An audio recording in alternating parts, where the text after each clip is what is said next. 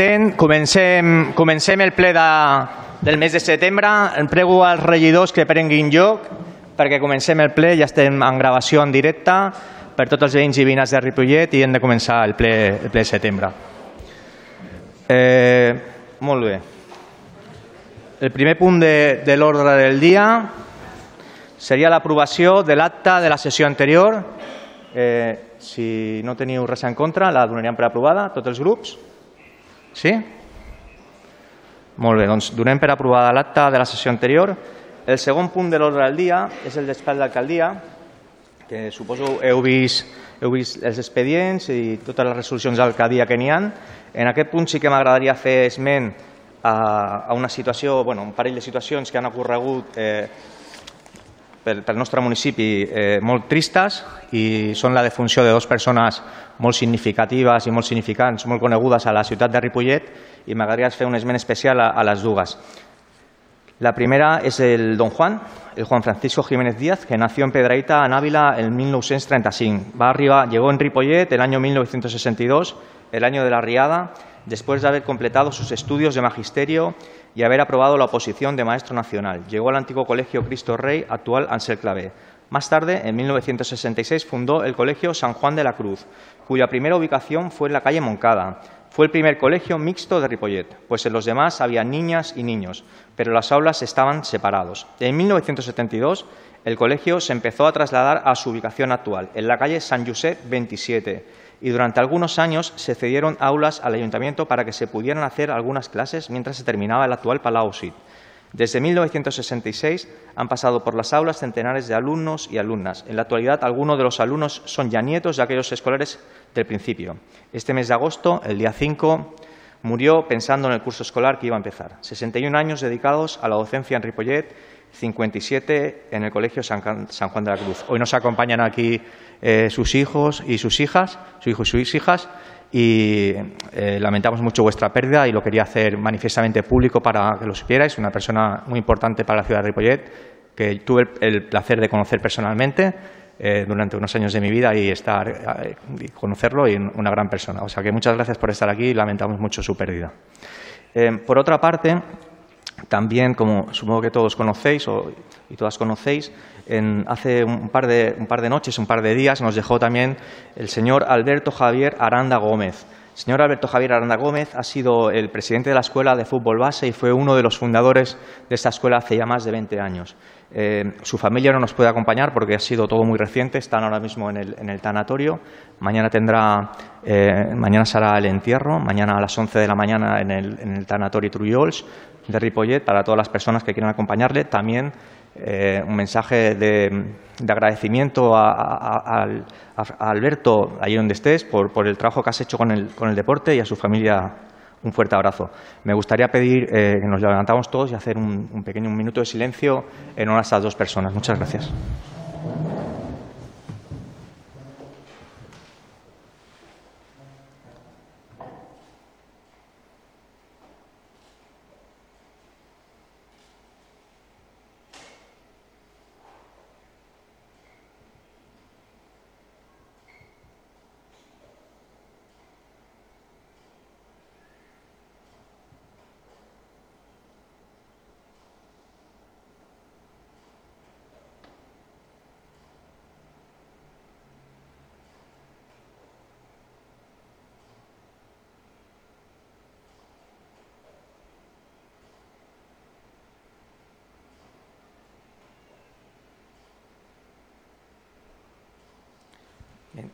Finalizado el minuto.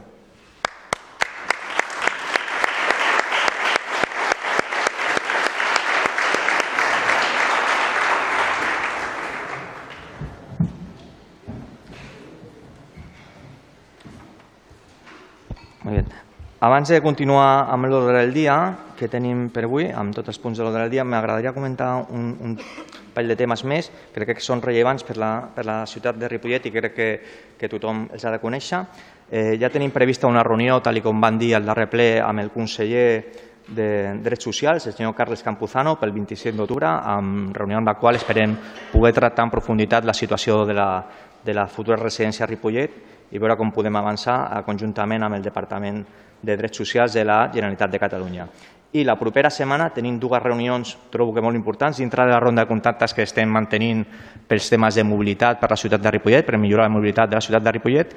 Tenim una reunió el dia 3 d'octubre amb el secretari general de Mobilitat, perdó, el 3 d'octubre amb el vicepresident de Mobilitat de l'AMB, el senyor Carlos Cordón, i el dia 4 amb el secretari general de Mobilitat, el senyor Marc Sanglas, dues persones importants en tema de mobilitat, tant a l'àmbit de Generalitat de Catalunya com de l'àrea metropolitana, i ja ens hem reunit amb, amb persones de l'Estat i esperem poder continuar avançant la mobilitat. En aquest cas, eh, també tractarem el tema del soterrament de la C58 per veure si ja tenen la darrera proposta que ens havien de presentar i també ho tractarem amb el senyor Marc Sanglas en aquesta reunió que farem la propera setmana. Sense més, eh, passaríem ja al punt 3 de l'ordre del dia, que són les festes locals de Ripollet. Eh, aquí té la paraula la senyora Eva Herrera. Hola, bona tarda a tots i totes, els que ens acompanyeu a la sala i els que ens veieu per YouTube. Bueno, aquí portem l'aprovació de les dues festes locals per l'any 2024. Llavors es proposa el 20 de maig, que és la segona Pasqua, i el 26 d'agost, que és el dijuns de Festa Major. Gràcies. Molt bé, donaré la paraula als diferents grups municipals pel PP. Hola, bona tarda. Nosaltres votarem a favor. Pel grup d'Esquerra Republicana de Catalunya. A favor. Pel grup de Vox. A favor. I pel grup de Decidint Ripollet. Bona tarda, a favor. Molt bé, eh, amb el vot a favor de tots els grups donaríem per aprovat aquest punt. Després tenim el punt 4, anomenament de representants municipals eh, de l'Associació de Red Cuidadores per la Bicicleta i del, del Consorci de Vallès Occidental Sur d'Esports. Aquí eh, tinc jo la paraula. Eh, tenim la proposta de, de que sigui la senyora Barrera com a regidora de mobilitat per la red de Ciudades per la Bicicleta i el senyor Manel Martínez pel, per la part d'esports de, del Consorci d'Esports de, del Vallès Occidental Sud. Eh, pel grup del PP... Por nuestra parte, abstención. Pel grup d'Esquerra Republicana de Catalunya. A favor. Pel grup de Vox. Abstención. Pel grup de Decidint Ripollet. A favor. Amb el grup favorable de Decidint Ripollet, Esquerra Republicana, PSC i els, les abstencions de PP i Vox, es donaria per aprovat el, el punt. El punt cinquè és l'aprovació inicial de la modificació puntual del PGM en l'àmbit de l'espai perequart i entorn al municipi de Ripollet. Molt bé, aquest punt també l'explicaré jo. Aquest punt, eh, el que portem a aprovació és, és, és important. Vale? Es tracta de la modificació de tot el pla des, del, des de tota la plaça del Molí, la plaça Perequart i el Parc dels Mestres, tot l'entorn per poder, per poder utilitzar la planta soterrània ara que marxarà, que marxarà a Mercadona. I, I sobretot aquí el que estem és reordenant tot l'espai ho hem fet amb els serveis tècnics, tot això ara és l'aprovació inicial, ara aquí es podran fer tota mena de delegacions, qui cregui que ha de fer delegacions, i el que fem és reordenar tot el centre del municipi per poder fer el que llamen eh, la nostra voluntat política, que era posar l'oficina d'atenció ciutadana a la primera planta del Mercadona, de l'actual Mercadona, que com tots sabeu, i si no ho sabeu us informo, el dia 21 serà el seu darrer dia eh, de prestació de serveis i el dia 23 d'octubre començaran al nou, al nou edifici i eh, la segona planta, la planta soterrània, eh, destinar-la per espais culturals, eh, per possible un espai cultural per entitats, perquè tinguin cabuda i puguin fer les seves activitats les entitats culturals del nostre municipi. En principi, resumidament, és això el que volem fer al centre, eh, ordenar tot eh, el centre, també alguna zona que és, que és expropiable i que, que, que mirarem d'expropiar amb el futur per deixar tot el centre ben endreçat i, com ja sabeu, la nostra voluntat és també eh, millorar tot el que és la plaça, la plaça actualment del Molí, que, que, no, que, que, és, que és només alquitrà i no hi ha cap zona d'ombra ni cap zona verda. Això també dintre de la nostra voluntat de millorar aquesta zona i fer-la molt més amable eh, per la ciutadania del que és ara mateix que no, que no, que no ho és. En, per tant, aquí passaríem al sentit dels vots eh, pel grup del PP. Senyor Dieguez. Sí, por parte del Partido Popular, señalar lo que acaba de decir el señor alcalde, que es un punto importante. Eh, es bastante importante y, y, quisiéramos subrayar la cantidad de metros de las que estamos hablando. Estamos hablando del centro de Ripollet, estamos hablando de toda el área de la Plaza del Molí y su, todo su subsuelo. Estamos hablando de la Plaza Peracuar, que está a continuación, y todo su subsuelo. Estamos hablando, pues, bueno, de 5.000 metros cuadrados de zona verde, 3.000 arriba. Eh, bueno, en cuestiones urbanísticas, aunque el suelo sea de cemento, se, se, puede, se puede poner así. Y luego, insisto, es muy importante, estamos hablando de una parte muy importante de nuestro municipio, estamos hablando del centro.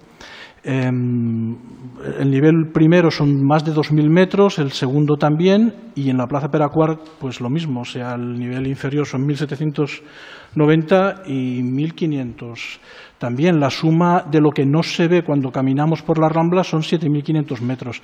El alcalde tiene toda la razón, es muy importante. El problema es la razón por la que estamos hablando de esto hoy.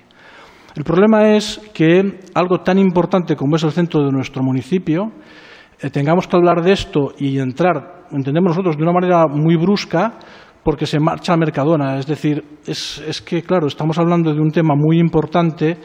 No es cuestión de solo un gobierno municipal, que, como hemos escuchado, su intención no dudamos que sea positiva, no dudamos de que tenga culpa ninguna de que una empresa importante decida que el centro de Ripollet no es interesante comercialmente y tenemos que poner no el gobierno, todos un poco las ideas, todos un poco las soluciones y claro, de experiencias anteriores que ya hemos visto, eh, en un mercado municipal que se estaba quedando, pues incluso de aspecto visual, mal, Claro, ya hemos visto todos plazas del mercado convertirse pues bueno, en puntos de, bueno, puntos de administración. Es más que discutible que cuando se quedan eh, huérfanos tantísimos metros cuadrados de una zona tan importante como es el centro de un municipio, haya que escuchar a alguien más, haya que poner un poco más los oídos, haya que poner un poco más de voluntad. E insistimos, nosotros tenemos muchísimas dudas por la experiencia de poner esos espacios cerrados dentro del mercado simplemente con logo del ayuntamiento, claro, que de repente la estructura, el tamaño de la administración que hacemos desde el, desde el, ayuntamiento cobra unas dimensiones de miles de metros cuadrados, bueno, pues eh, es más que preocupante hacerlo de una manera, insisto, me quedo con la palabra del alcalde, es importante, es tanto que no podemos pasar sobre esto de puntillas. Por lo tanto, nuestra posición será a la espera que se concreten un poco más las intenciones, aunque hay un plan propuesto, pero bueno, es muy genérico, cuáles son las intenciones reales, si se puede alterar esto, porque insisto que es más que, más que poner en duda que podamos desde el ayuntamiento, cuando desaparece un espacio tan importante, ocuparlo y punto. Estaremos atentos, por eso las, la, el sentido de nuestro voto será la abstención. Molt bé. Per el grup municipal d'Esquerra Republicana de Catalunya.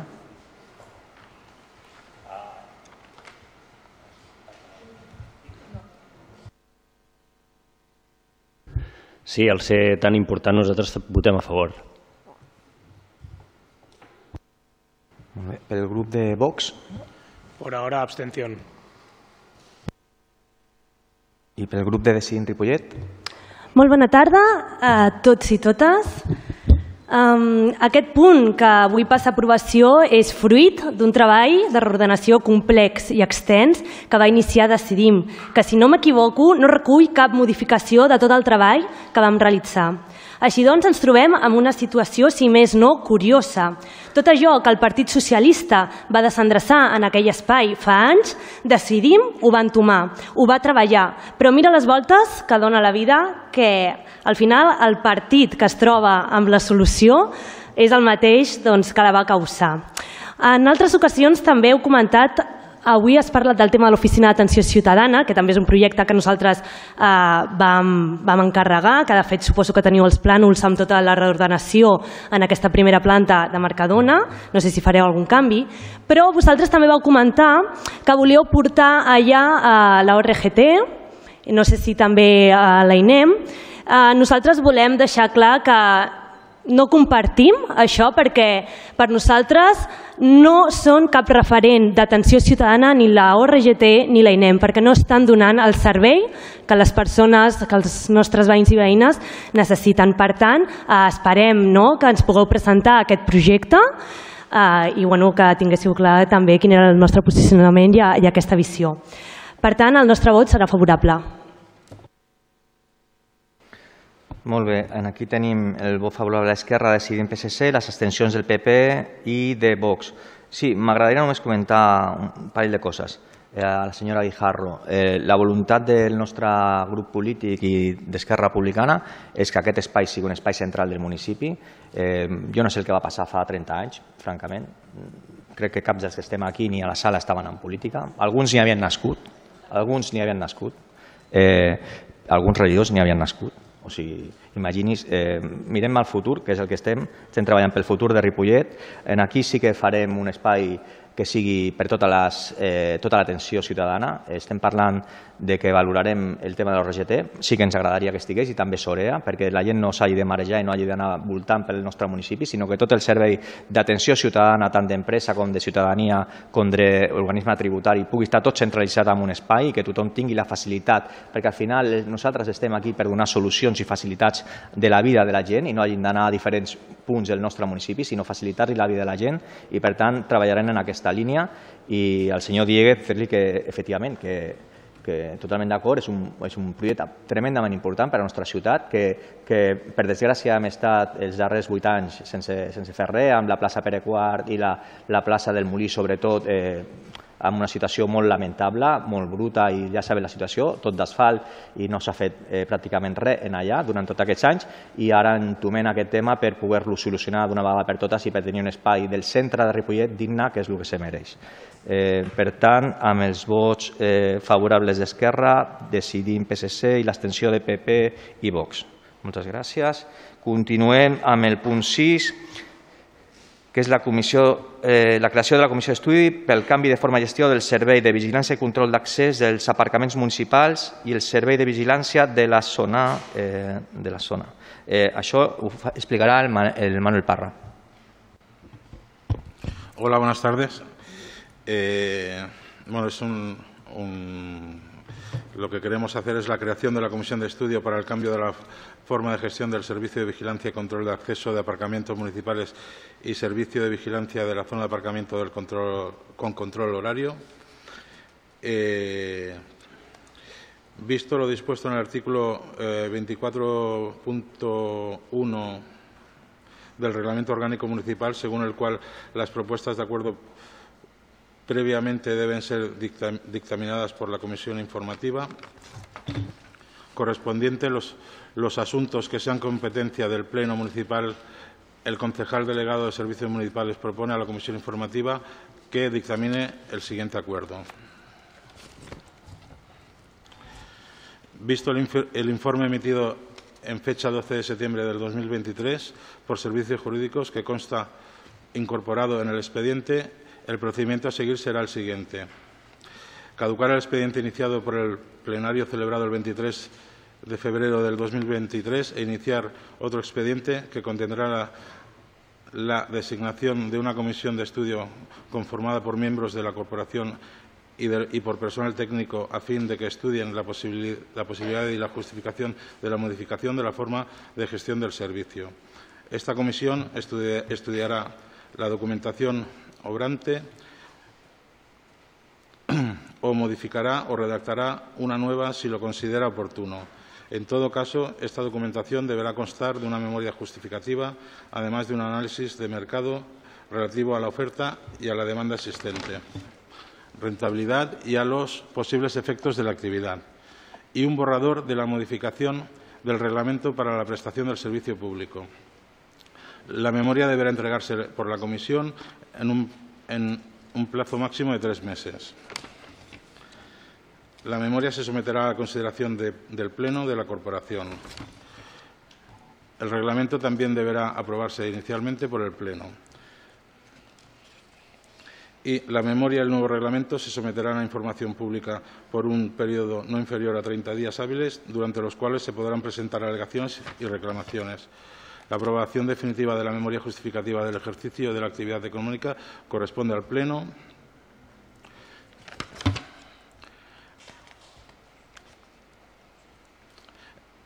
es eh, de lo que se informa sin perjuicio de menor criterio fundamentado en derecho y, salvando, salvado errores o omisiones no, intencionadas.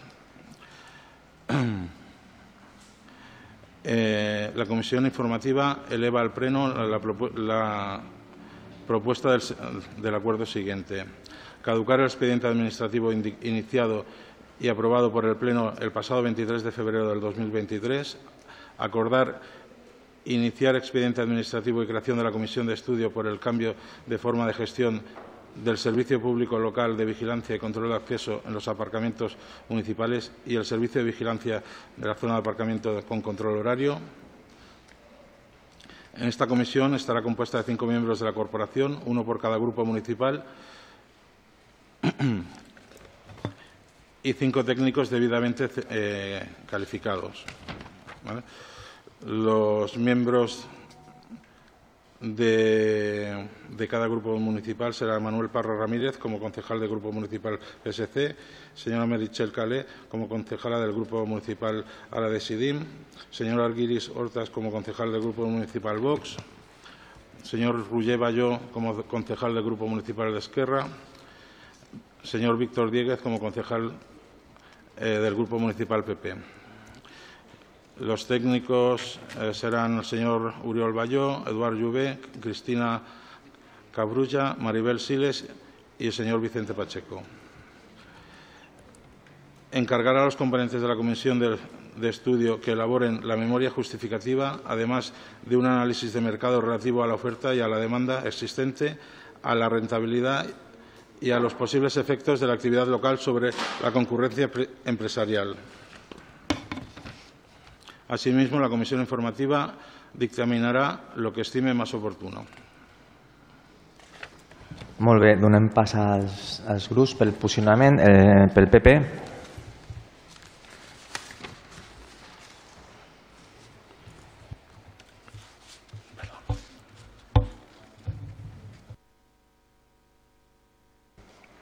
Por el Partido Popular a favor. molt bé. pel grup d'Esquerra eh, Esquerra Republicana de Catalunya, A favor. pel grup de Vox, Contra. pel grup de Decidint Ripollet, A favor. Molt bé, amb els vots favorables de PP, Esquerra, Decidint i PSC i el vot contrari de Vox, s'aprovaria el punt. Punt 7, eh, reconeixement extrajudicial de crèdit eh, 9 barra 2023. Eh, explica el punt la senyora Eva Herrera. Hola, bona tarda a tot, eh, de nou. En aquest punt eh, el que portem és aprovar el pagament d'una d'una factura per un import d'uns 4.500 euros. Aquesta factura correspon a una despesa del 2022, però en el moment que es va, bueno, es va arribar al mes de maig i com no va haver-hi partida pressupostària per poder fer front al pagament, llavors hem d'aportar ara aquest pre per fer el reconeixement del deute i poder pagar-la. Vale? Gràcies. Molt bé, els posicionaments dels grups, pel grup del Partit Popular, A favor. Pel grup d'Esquerra Republicana de Catalunya, A favor. pel grup de Vox, A favor. perdó, A favor. a favor, pel grup de Decidint Ripollet, A favor. Molt bé, amb el grup favorable de tots els, vots, de tots els grups es donaria per aprovat el punt. El punt 8 seria modificació de pressupost 17 barra 2023 per transferència de crèdit i modificació de l'annex 3 de les bases d'execució del pressupost. Té la paraula la senyora Eva Herrera. Bona tarda de nou. Aquí el que aportem és per, per fer front a la despesa de la modificació del contracte del porta a porta, que es portarà en el següent punt, i per fer front al, al pagament de la subvenció per al manteniment del local de l'Associació de Veïns de Can Vargas, fem aquesta modificació.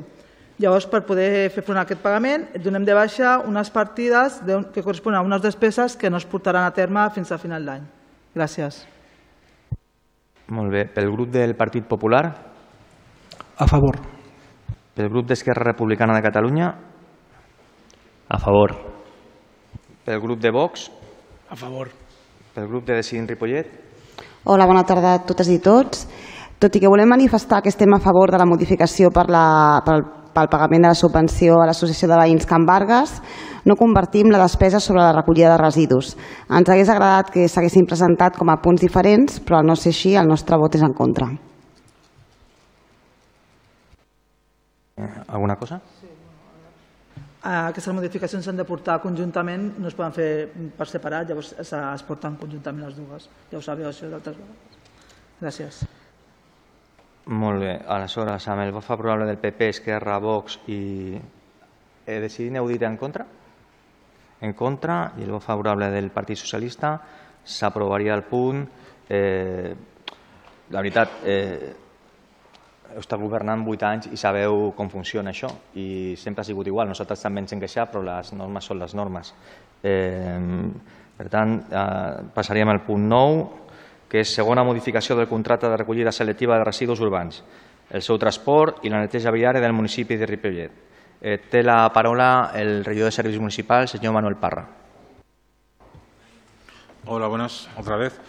Eh, bueno, hemos hecho eh, la, modi- la modificación que afecta a los, a los cuatro sectores en los que está dividido Ripollet eh, para mejorar los servicios. ¿vale? El próximo oh, 1 de noviembre del 2023 estarán en funcionamiento las modificaciones del sistema de recogida de residuos eh, y bueno, en las, las mejoras que, se, que se, se van a hacer son debidas a bueno que se ha hecho un estudio, se han evaluado eh, los diferentes casos en los que hay en las, en las diferentes zonas de Ripollet.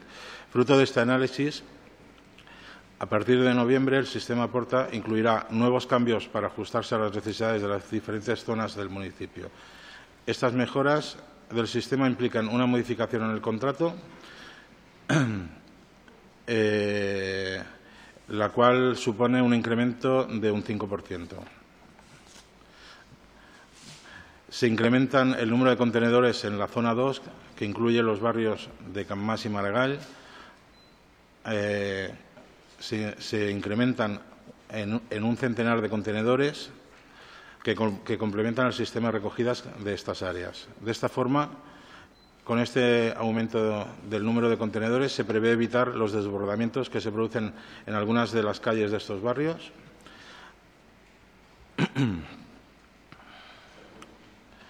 Eh, el- los contenedores est- estarán eh, cerrados, se irán con la, con la tarjeta e intentar, bueno, se, lo que se, se va a in- intentar es eh, aumentar el, lo que es la recogida selectiva que hasta ahora tenemos de un 56%. Eh, los, incrementamos los días de recogidas en las zonas 1 y 3, que son barrio centro y Pinetons. Se incrementa en la recogida se incrementa en tres días los envases y dos días la recogida del cartón. Se mantiene un día para la recogida de la fracción del resto, así como los contenedores de vidrio y orgánica se pasa en el sector 1 se pasan a recoger envases, papel y cartón martes y domingo y envases y resto el jueves. Y en el sector 3 eh, se recogen envases, papel y cartón lunes y viernes y envases y resto el miércoles. En estos dos sectores también se incrementa el, número de buzones textil sanitario, ya que se colocan en estas zonas las que estaban ubicadas en la zona 2. La nueva implementación de contenedores permite que se puedan reubicar las dos áreas de las dos áreas móviles de emergencia que se, que se colocaban en Camas y en Maragall. De esta forma llegan eh, a cuatro los espacios móviles que complementan el sistema de Ripollet a Porta para aquellas personas que lo requieran.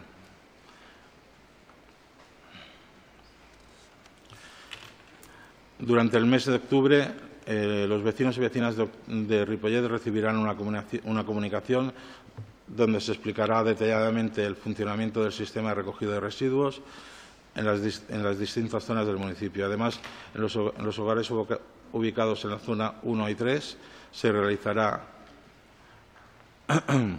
eh, se realizará un nuevo imán donde se verá de forma más visual cuáles son los días de recogida de las distintas fracciones. El, es- el espacio de Ripollet de la Porta a la web municipal también se, mejorará con la publicación de un plano municipal, un plano del municipio, donde introduciendo la dirección se podrá comprobar en la zona en la que está situada y cuáles son los días de recogida de cada fracción. Estas son las modificaciones que se van a hacer.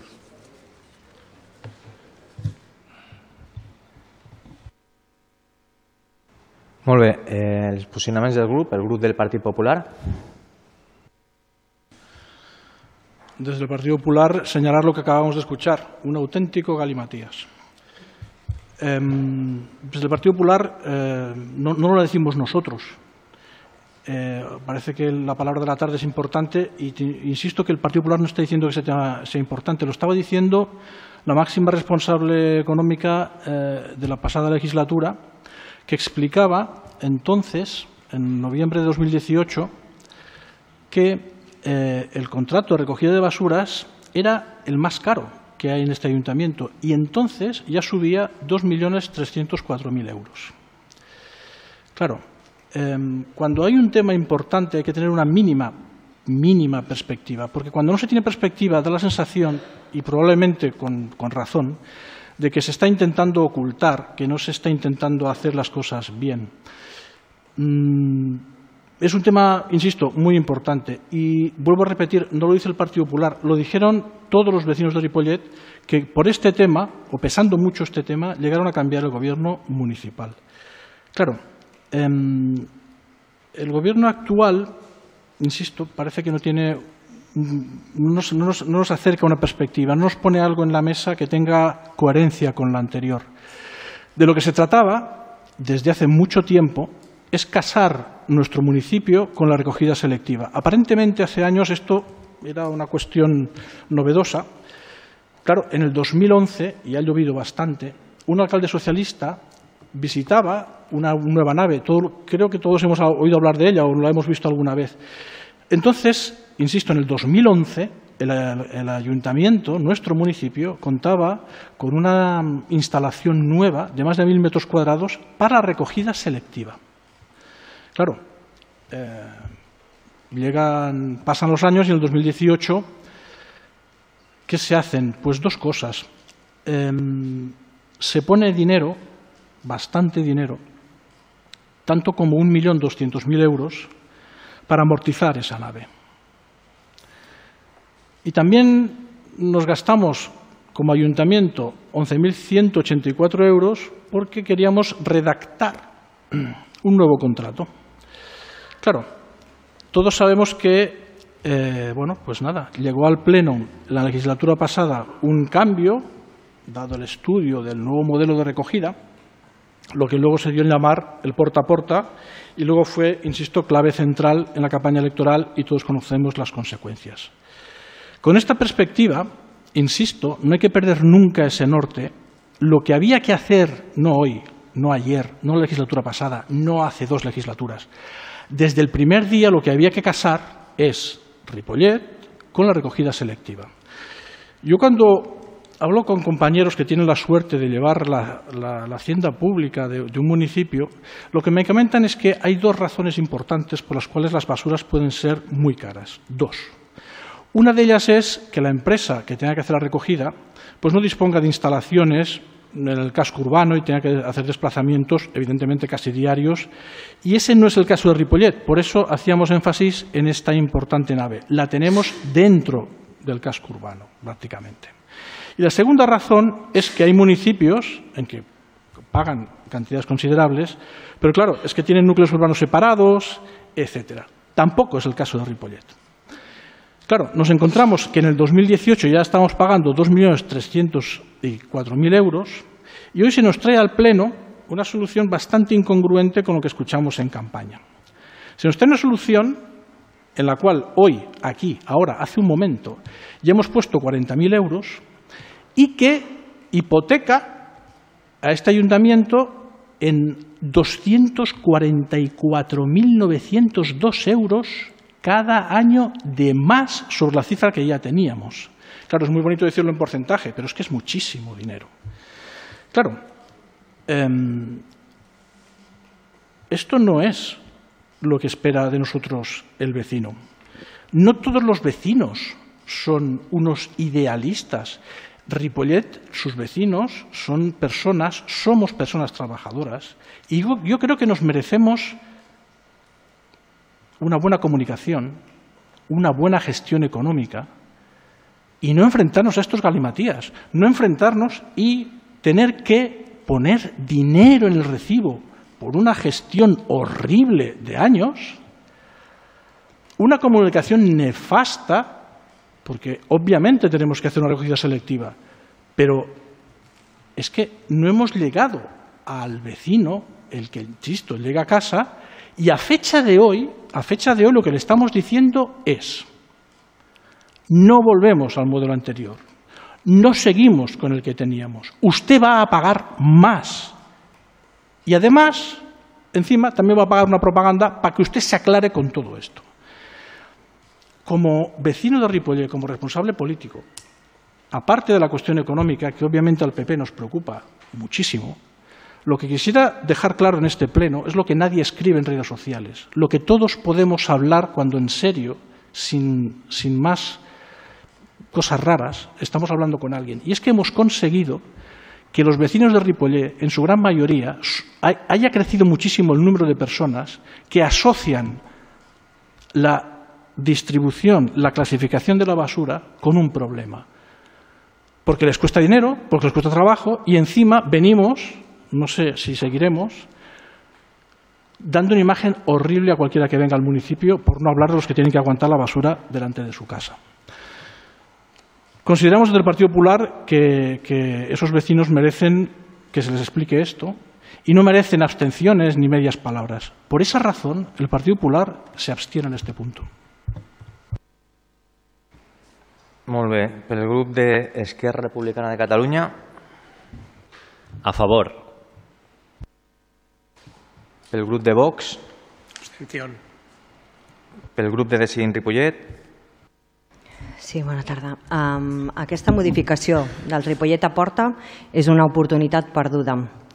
Després d'un any de funcionament, és evident que el Ripollet a Porta necessitava canvis, és evident que es podia millorar i que calia fer-ho. Decidim, sempre hem parlat d'un model flexible i que s'adaptés a les diverses complexitats urbanístiques i socials de Ripollet i que anés evolucionant. Nosaltres vam explicar al senyor Tirado la nostra proposta de millora i veiem que aquesta part ha estat recollida. Moltes persones de Ripollet ens explicaven les dificultats que comportava per les dimensions reduïdes dels seus habitatges tenir només dos dies de recollida d'envasos i ens demanaven ampliar la freqüència. Vam dissenyar un canvi que permetia passar de dos a tres dies de recollida d'envasos i d'un no, a dos dies de recollida de paper i cartró. Aquesta proposta de Decidim s'implementa amb el canvi i, per tant, benvinguda a la millora. Per què diem llavors que és una oportunitat perduda? Perquè aquesta mesura, que a més a més no suposava un increment en la despesa, millorava el servei que s'estava donant als veïns i veïnes de Ripollet. Posàvem el benestar de les persones de Ripollet com a objectiu de la modificació sense perdre de vista l'objectiu final del 65%. Però amb la resta de canvis que es proposen al servei no millorarà, sinó tot el contrari, perquè l'objectiu d'aquesta modificació no és introduir millores pensant en els veïns i les veïnes, sinó en complir promeses electorals i arribar als 100 dies podent dir que s'ha fet alguna cosa. Perquè portem un any parlant de l'herència que decidim deixem, però la nostra herència no és altra que el 56% de separació, dada que vostè ara sí ha validat però aquesta modificació no respon a l'objectiu del sistema, sinó a l'altra herència. L'herència d'un any de promeses, de mentides, de saber que no es podia retornar a un model antic. Un, perquè vostè tenia el contracte des de setembre de 2022, així que l'ha pogut estudiar en profunditat i sabia quines limitacions tenia, tot i dir públicament altres coses. I dos, perquè sap prou bé que les mirades de l'àrea metropolitana de Barcelona i l'Agència Catalana de Residus estaven posades sobre el nostre municipi perquè som referent i no crec que vulgui perdre aquest estatus.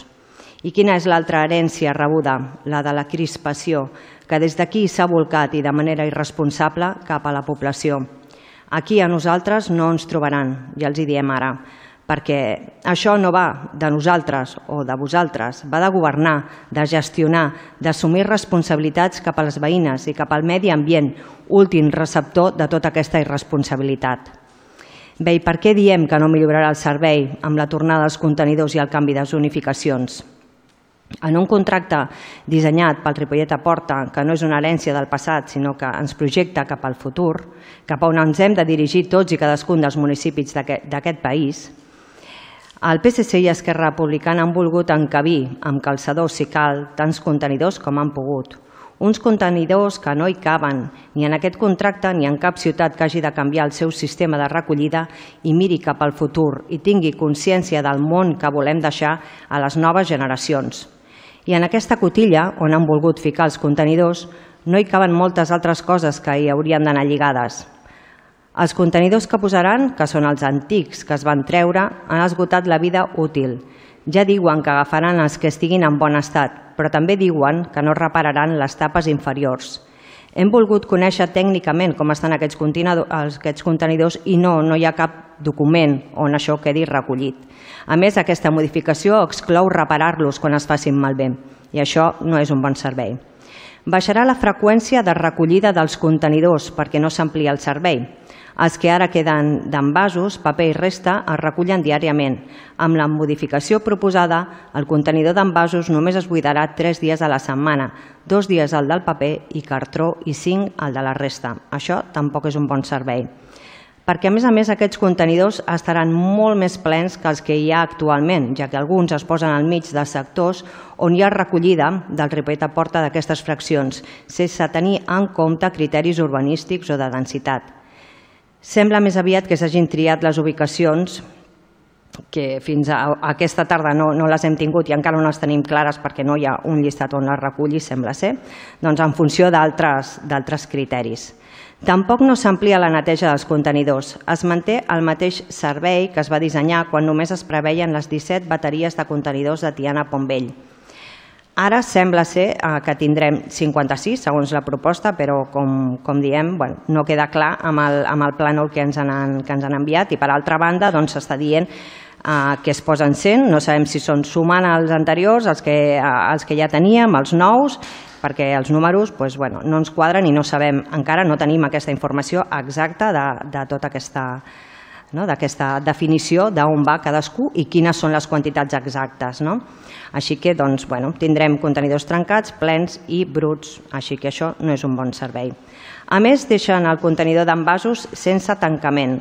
Si algun sentit té tot això, és el d'assolir el tant per cent de recollida selectiva a què ens obliga a Europa. Si es va implementar el Ripollet a Porta amb el trasbals que un canvi com aquest comporta per a les persones que l'han d'aplicar, l'objectiu final no es pot perdre de vista. Perquè si no, per què estem fent tot això? I amb un contenidor obert que s'acabarà convertint en el contenidor gris de tota la vida, perquè això ja ho estem veient ara, que la gent deixa les bosses al costat dels contenidors sense baixar la targeta, doncs perdem de vista l'objectiu de tot plegat hi ha cap aval tècnic a aquesta proposta? Hi ha algun tipus d'expertesa, d'experiència, d'èxit que els hagi ajudat a prendre aquesta decisió? A hores d'ara, doncs, tampoc hem rebut cap informe tècnic en aquesta línia. A més a més, aquest mal servei ens implica incrementar la despesa, 245.000 euros més cada any, que incidirà directament en la butxaca dels veïns i veïnes. Ho diuen vostès mateixos, que a partir del 2025 el sobrecost que suposa, que suposa aquesta modificació de contracte haurà de ser financiat íntegrament per la taxa de residus municipal. En resum, que sí, que el Ripollet a Porta s'havia de millorar per facilitar la vida de les persones de Ripollet. Decidim ja proposava passar de tres sectors a dos per tal de poder ampliar els dies de recollida de les fraccions de porta a porta, però sense barrejar geogràficament els models i minimitzant les fronteres entre els diferents sectors, amb el contenidor d'envàs tancat per mantenir el tant per cent de selectiva dins el que indica Europa i en la línia que marca la llei espanyola del 2022 feta pel PSOE. I sobretot donant un un bon servei als sectors amb contenidors, freqüència de recollida, de neteja, de manteniment i de repassos. Amb aquesta modificació que porten el PSC i Esquerra Republicana s'ha perdut l'oportunitat de tenir un millor servei i amb l'objectiu final del bé comú. Aquesta proposta està pensada només per poder dir que es compleix el que es va dir, ficar contenidors, però com que el contracte no està pensat per això, es fa doncs, de qualsevol manera, sense cura, sense dimensionar, sense analitzar conseqüències i objectius, amb manca de rigor i de coneixement. És per això que el nostre vot no pot ser a favor, però tampoc serà en contra. Us estenem la mà a treballar conjuntament, a posar en comú el coneixement que tenim en aquesta matèria i en d'altres projectes estratègics de ciutat, perquè, com deia, això no va de vosaltres o de nosaltres, Aquí ens hi juguem el futur del nostre municipi i el benestar de les nostres veïnes i veïns. I no ens trobareu fent el teatrillo ni mentint des d'aquest lloc privilegiat que tenim com a regidores, sinó treballant pel bé comú. Així doncs, el nostre vot serà abstenció. Molt bé, tenim el vot favorable d'Esquerra i PSC i les abstencions de PP, Vox i de Cint Ripollet. Eh, faig jo la, la contestació a les a les intervencions dels diferents grups. Eh, pel PP deia Galimaties. Bueno, jo crec que està bastant clar. La proposta és molt clara. Es posen un centenar de contenidors més i es passa de dos a tres dies la recollida selectiva, el porta a porta, allà on continua. I els contenidors es posen a, ampliant zones perquè ajuntem barri Maragall en Can Mas, tots els pisos vermells i tots aquests carrers des de Pau, Cas, des de Pau Casals cap a baix fins a Tamarit, que s'amplia la zona. I després tota la zona de Doctor Vergós, que és una zona molt conflictiva, carrer Fontanella fins a carrer Nou. I el plànol és públic, es pot veure i, i les zones eh, bueno, estan, són, són prou clares i s'explica l'expedient on van totes les noves bateries. I el que posem són 100 contenidors més dels que hi havien. 100 contenidors més, perquè quedi clar, no és que hi hagi 100 contenidors, ja n'hi havia molts més de 100 contenidors al carrer. Posem més, 100 contenidors més al carrer i passem de dos a tres dies. El canvi és, és senzill. I a més, una cosa que no heu parlat i jo crec que és molt important, la tassa continua en la bonificació i ara no s'haurà de demanar. L'aplicarem de forma automàtica, perquè fins ara s'havia de demanar. I això ha implicat que l'any passat prop de 6.000 persones, entre 6 i 7.000 persones que podrien haver-se afegit a aquesta bonificació, només ho han demanat 1.700. Hi han hagut més de 4.500 famílies que no han pogut beneficiar-se d'aquesta tassa perquè no han fet aquesta petició. I amb aquest servei i aquesta nova forma de fer-ho, tothom tindrà aquesta bonificació de forma automàtica. Jo crec que això és prou important i és prou clar i no hi ha cap galimaties. Galimaties potser li podria dir jo que ha aprovat una modificació de crèdit fa un moment per pagar aquests 40.000 euros i ara diu que, que no ho entén i es queixa d'aquesta modificació de crèdit que acaba d'aprovar vostè al punt anterior. Això sí que no ho entenem i no ho entenc jo directament. I contestant a, a Decidint Ripollet que parla de mentides. Ostres, que parlin vostès de mentides. Vostès no van dir que tancarien l'Ecopar, no van dir que soterrarien l'autopista. Això ho van dir vostès, no? Eh, perdoni'm, este, eh, deixa que estic jo amb el meu torn. Estic, estic, estic amb el meu torn. Vostè després, jo, jo després, vostè parla, vostè pot parlar després amb el, amb el torn de rèpliques. Però deixin que ara faci jo la rèplica. Mm? És que, és que l'anterior plet em va fer el mateix. Quan estic parlant, em talla. Jo l'he deixat parlar i, doncs gràcies. Bueno, això ho diu vostè, no jo. Diu, calia millorar. Vostès al seu programa electoral deien que posarien eh, el porta a porta a tot el municipi. I ara està dient que havien de millorar el servei de contenidors, ho acaba de dir. I al seu programa electoral deien que treurien els contenidors.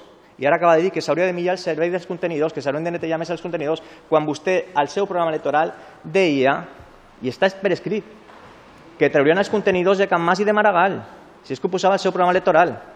I ara està dient vostè que milloraria el servei dels contenidors.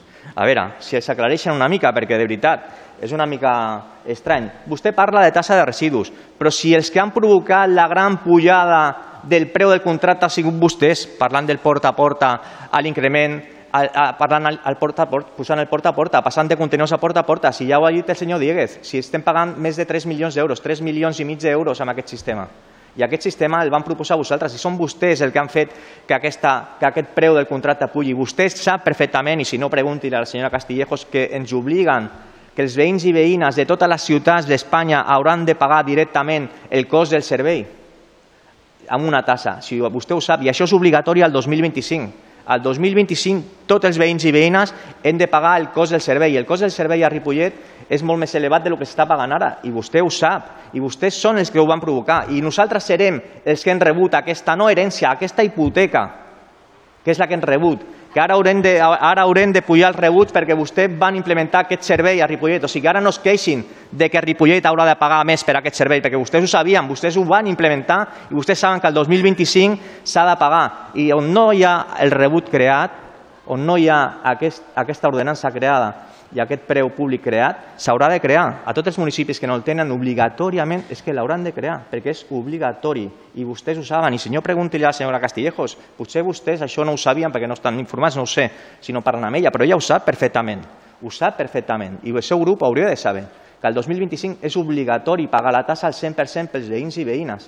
Aleshores, no es queixi de que si s'incrementarà la tassa, s'incrementarà el preu. És que no s'incrementaran els 244.000 euros, s'incrementarà el cost del contracte a l'any 2025 obligatòriament pels nostres veïns i veïnes. I són vostès el que han provocat això, i són vostès, sense parlar amb la població, sense fer un referèndum que ens hi van demanar expressament aquí, que fessin una consulta popular a les veïns i veïnes per, per aplicar aquest sistema, i ens van dir que no, que aquest sistema s'ha d'aplicar perquè vostès ho portaven al seu programa electoral i aquest va ser el, el seu argument per aplicar aquest, aquest servei. No em diguin que no si us plau, perquè és la realitat. I en diu una oportunitat perduda. Home, és que és que s'ha de tenir de veritat molta barra per fer aquest discurs qui ens ha portat aquest problema, que són vostès. I nosaltres el que hem intentat ha sigut posar el màxim de contenidors possibles a la via pública. I aquesta és la realitat. I no hem pogut posar més perquè no ens han deixat els serveis tècnics, perquè hem estirat el contracte com un xicle fins on hem pogut.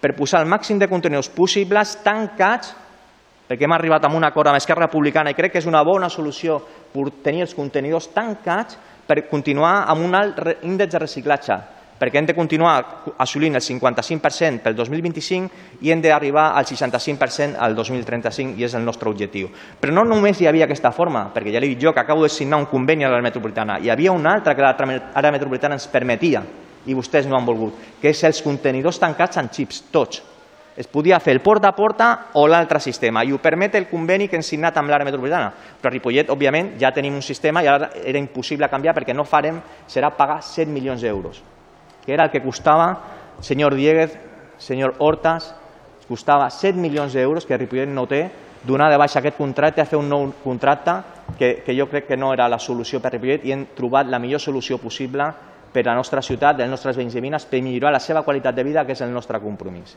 Moltes gràcies. Ara, si, si voleu fer alguna rèplica, teniu el torn de paraula. Senyor Dieguez. Només dues no, puntualitzacions. Una, mm, potser ho he entès jo malament, eh, quan vostè, senyor Batlle, ha començat a parlar, nosaltres hem votat que no. És que ha començat a dir que el grup tal i qual han dit abstenció, puntualitzar que el Partit Popular ha votat que no. I només puntualitzar jo no, no, no he volgut dir-ho perquè a mi no m'agrada robar temps als altres, ho tenia que apuntat, però si vostè necessita una explicació, jo li dono. Al punt on hem aprovat la, la modificació de crèdits, eh, vostè ho ha explicat molt bé, nosaltres com a Partit Popular, jo personalment i les persones que m'han precedit, sistemàticament durant anys ens hem queixat de que en un únic punt es ficaven moltíssimes coses. Llavors, si eh, aquí el que ha passat, eh, vostè ho ha explicat, jo ho vull determinar ben determinat, és que és veritat que en un mateix punt hi havia els 40.817,03 euros que són el primer pagament d'això que estem parlant de les mesures, les de les escombraries, que són del novembre i el desembre, juntament lligat, no es podia deslligar de l'ajuda, com s'ha explicat aquí també, de l'associació Can Vargas, per la seva seu social, que són 6.000 euros. Com que no es podia deslligar, com que després jo crec que a tothom li ha quedat ben clar que des del Partit Popular hem explicat molt bé la nostra posició, no, no, no ens preocupava explicar-ho bé, jo crec que fins i tot a vostè li ha quedat clar, eh, si vostè el que ha volgut dir és que som incongruents perquè hem preferit assumir el cost de dir que sí a 40.000 euros per acabar l'any amb les escombraries lligat amb ajudar a l'associació Can Vargas, ho assumeix el meu partit i ho assumeixo jo. Perquè la gent que està tirant endavant Ripollet, i no em vull ficar en altre tema ara, en associacions i en fer coses, jo ho assumeixo, no tinc cap problema. Si, si per això vostè és una incongruència. Jo li explico, és, és, el, és el que nosaltres hem fet. Hem prioritzat que aquesta gent que fa coses a Ripollet tingués aquests 6.000 euros, perquè després podíem explicar el que realment pensàvem sobre aquest tema, i per nosaltres, si vostè entén que és una congruència, pues, pues, pues benvinguda. Si amb una incongruència una, una associació de, de Ripollet rep 6.000 euros, benvingudes, cada, cada, ple una d'aquestes.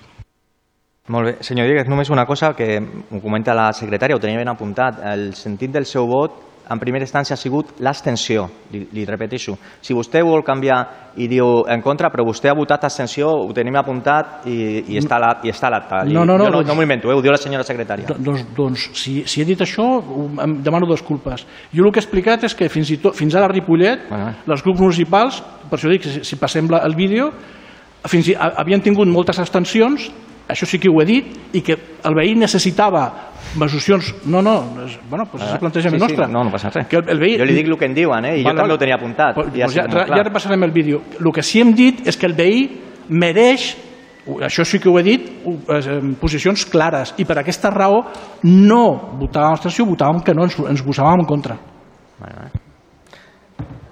Aleshores canviem el sentit del vot. Abans havia votat abstenció, ara diu que, que en contra, en contra. Posem en contra. Gràcies, senyor Dieguez. Senyor, eh, volen dir alguna cosa a més, senyora Cale, que volia parlar vostè? Sí, gràcies.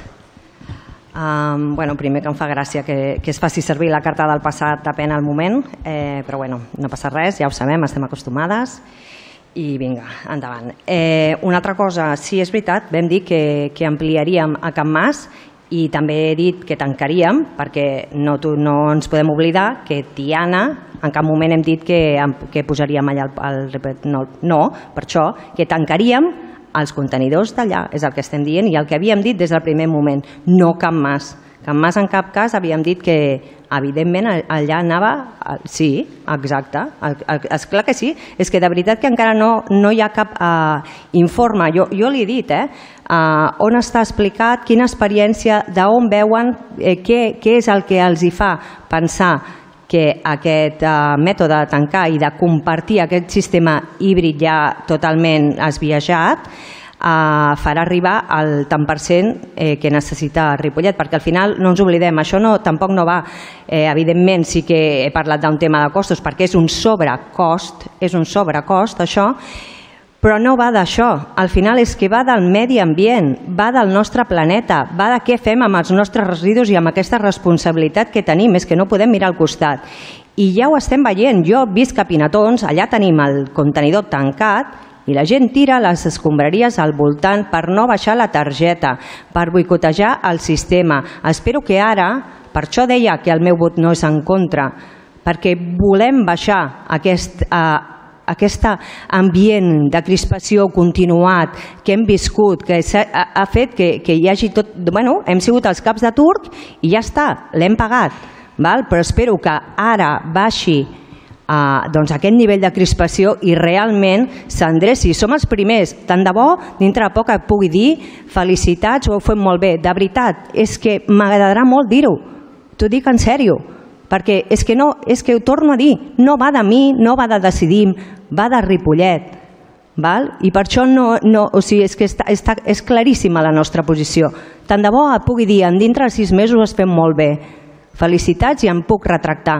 Per això et dic que és una abstenció i per això dic compteu amb nosaltres si necessiteu la nostra expertesa per continuar treballant perquè el que volem és millorar el tant per cent de, de reciclatge que és el que hem, és el, al final és l'objectiu final de tot això que hem fet.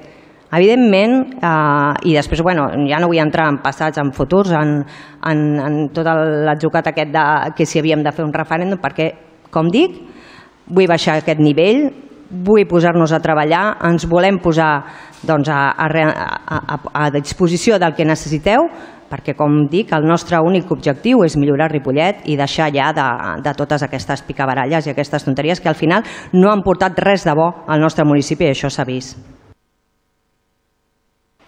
Molt bé, totalment d'acord. Al final jo crec que tots i totes els que estem aquí volem treballar per millorar el nostre municipi i estem segurs que no baixarem el, el, la tassa de residus, eh, que el fet de tenir contenidors tancats en aquestes zones que fins ara no hi era també ens ajudarà.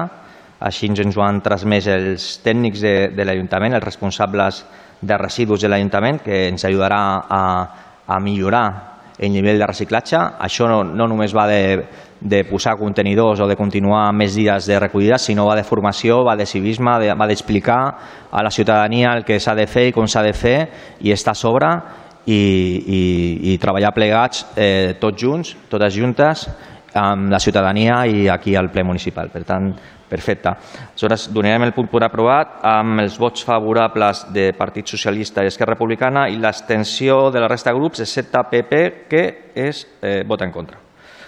Després eh, tenim el punt 10, que és la resolució del contracte de gestió del servei públic de Mercadona, que ho explicarà la senyora Sònia Martín. Hola, bona tarda. Passo, a passo a explicar el punt. A l'octubre del 2021, Mercadona comunica que havia començat a implantar en els seus supermercats uns nous formats de venda i a reformar les seves botigues per fer-les més eficients. Per fer-ho al local on ara estan ubicats, calia fer una ampliació d'aquest espai que no era possible. I per aquest motiu, Mercadona manifesta que marxarà de forma voluntària edificant un nou supermercat al polígon industrial de Cadesbanc, al carrer Cot concretament, i com ha dit l'alcalde, al final d'octubre, el dia 23 crec que ha dit, obrirà la nova tenda.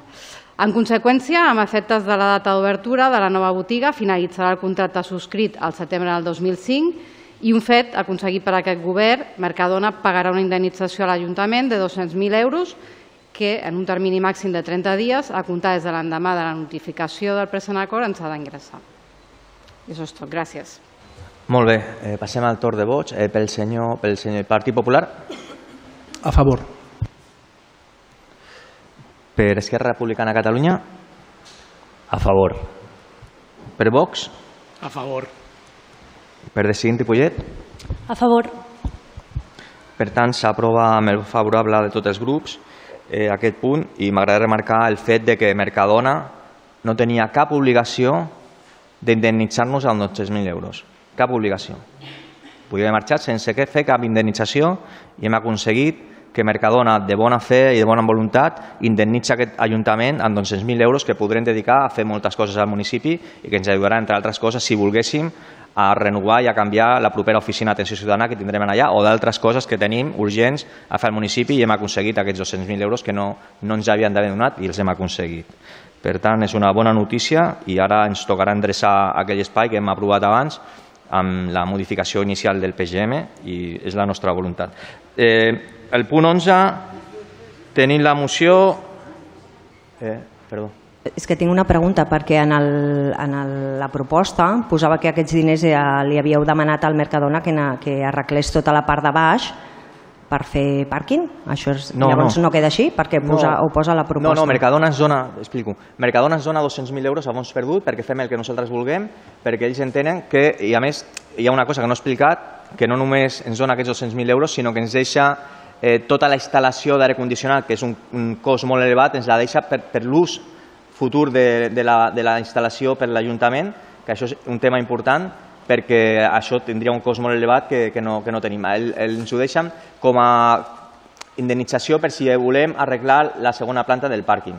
Però, però eh, és això, o sigui, però ens deixen a més tot l'aire condicionat i tot. És és l'argument, s'ha de posar algun objectiu, alguna cosa a descriure per dir que, que et donen 200.000 euros, no, te la, no te'ls donen de, No, vale, és que com, sí. com ho posava d'aquesta manera no, Sí, sí. ens quedava el dubte i com que en l'altre punt has dit que, bueno, que feies aquesta proposta que al final és el que nosaltres teníem també posat a la casa oberta, no? doncs aquest espai també subterrani, doncs ens has dubtat perquè doncs això, No, és- en la és- proposta és- posa això i bueno, de bona fe, de bona fe, però tu i jo sabem que aquella que Mercadona estava de manera alegal perquè allò és un, estava reconegut com a equipament municipal i per tant no podia estar aquella botiga allà. Però bueno, Bueno, però val, això no? Vull dir que estem quedi també... de lo mateix que ah, parlàvem abans, sí, estem parlant de fa 20 anys, No, fa, no hi no, ha. 2011, vull dir que tampoc 2005. és tant... Bueno, o 2005, 2005, o... fa- bueno, fa 20 però, anys, però que que per això no és com ai de bona fe, vull dir, clar, estaven de manera alegal i per això, evidentment, Fa 20 anys. um, només Ja faltaria, de no?, també. Sí, perdona, ja que parlem de Mercadona, eh, us donaré una altra notícia, bona notícia que encara no s'ha fet públic, però que es farà, espero no, que no trigui molt.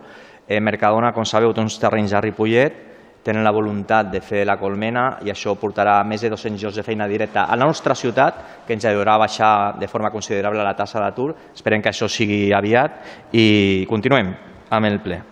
Ah, però en teniu nova... Perdona, és que, com que, és que si obres melons t'ho haig de No, preguntar, sisplau, perdona. eh, parem que, aquí o sigui, perquè ja el, punt, el, punt, el punt, com saps perfectament, i ho feia el senyor Suna, l'acaba l'alcalde. El punt s'ha donat per acabat, el punt ja està aprovat Doncs amb tots els vots i ara escrit. anem... Moltes Perdona, eh, s'acaba el punt, s'acaba s'acaba s'acaba el comentari, ja Gràcies. està. No té, no té dret a la paraula.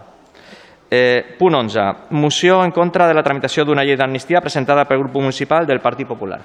Senyor Dieguez. Sí, puesto que se trata de un texto consensuado, paso a leerlo tal cual. El 15 de octubre de 1977, el Congreso de los Diputados aprobó la ley de amnistía que siguió el principio de conciliación nacional que guió nuestra transición a la democracia. La amnistía era una demanda social y una necesaria e imprescindible impugnación del ordenamiento jurídico de la dictadura. Fue uno de los instrumentos con los que se puso final a la represión que sufrió una parte de la sociedad española y uno de los grandes acuerdos que consolidaron nuestro camino a la democracia. Durante la, tramitación de la Constitución de 1978 se debatió la cuestión de la amnistía, ya que se presentaron dos enmiendas para que las Cortes Generales pudieran tener esa competencia. Las enmiendas fueron rechazadas y, por el contrario, se aprobó el artículo 62 que prohíbe indultos generales. Es decir, el perdón que sí existe en nuestro ordenamiento y que está regulado en la ley de indulto, debe ser siempre individualizado y nunca con carácter general. En 2017 se produjo un intento de insurrección por parte de los poderes públicos de Cataluña contra el orden constitucional. La reacción del Estado de Derecho fue una aplicación del artículo 155 de la Constitución y la puesta en marcha de los instrumentos penales contra sus impulsores. El Tribunal Supremo condenó a sus principales líderes, a penas entre 9 y 13 años por sedición y malversación. Algunos de sus principales responsables huyeron al extranjero. Desde entonces tratan de evitar la acción de los tribunales españoles y europeos. El pasado 5 de septiembre, el señor Puigdemont condicionó la gobernabilidad de España a, entre otras cuestiones, la aprobación de una ley de amnistía que favorezca, entre otros, a los encausados por el referéndum ilegal de 2017, en ocasiones por hechos de una violencia extrema. No es la primera vez que se plantea esta cuestión. Ya en 2021 se registró una iniciativa de estas características en el Congreso y los letrados emitieron un informe contundente contrario a su tramitación.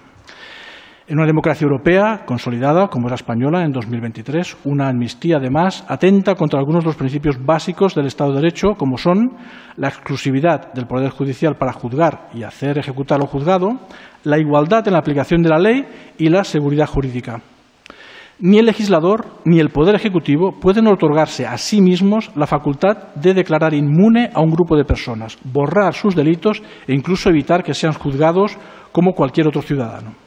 Todo ello, además, mientras el Tribunal de Justicia de la Unión Europea y el Tribunal Europeo de los Derechos Humanos tienen pendientes resoluciones referidas a la cuestión sobre la que se plantea la posible amnistía y que afectan a España.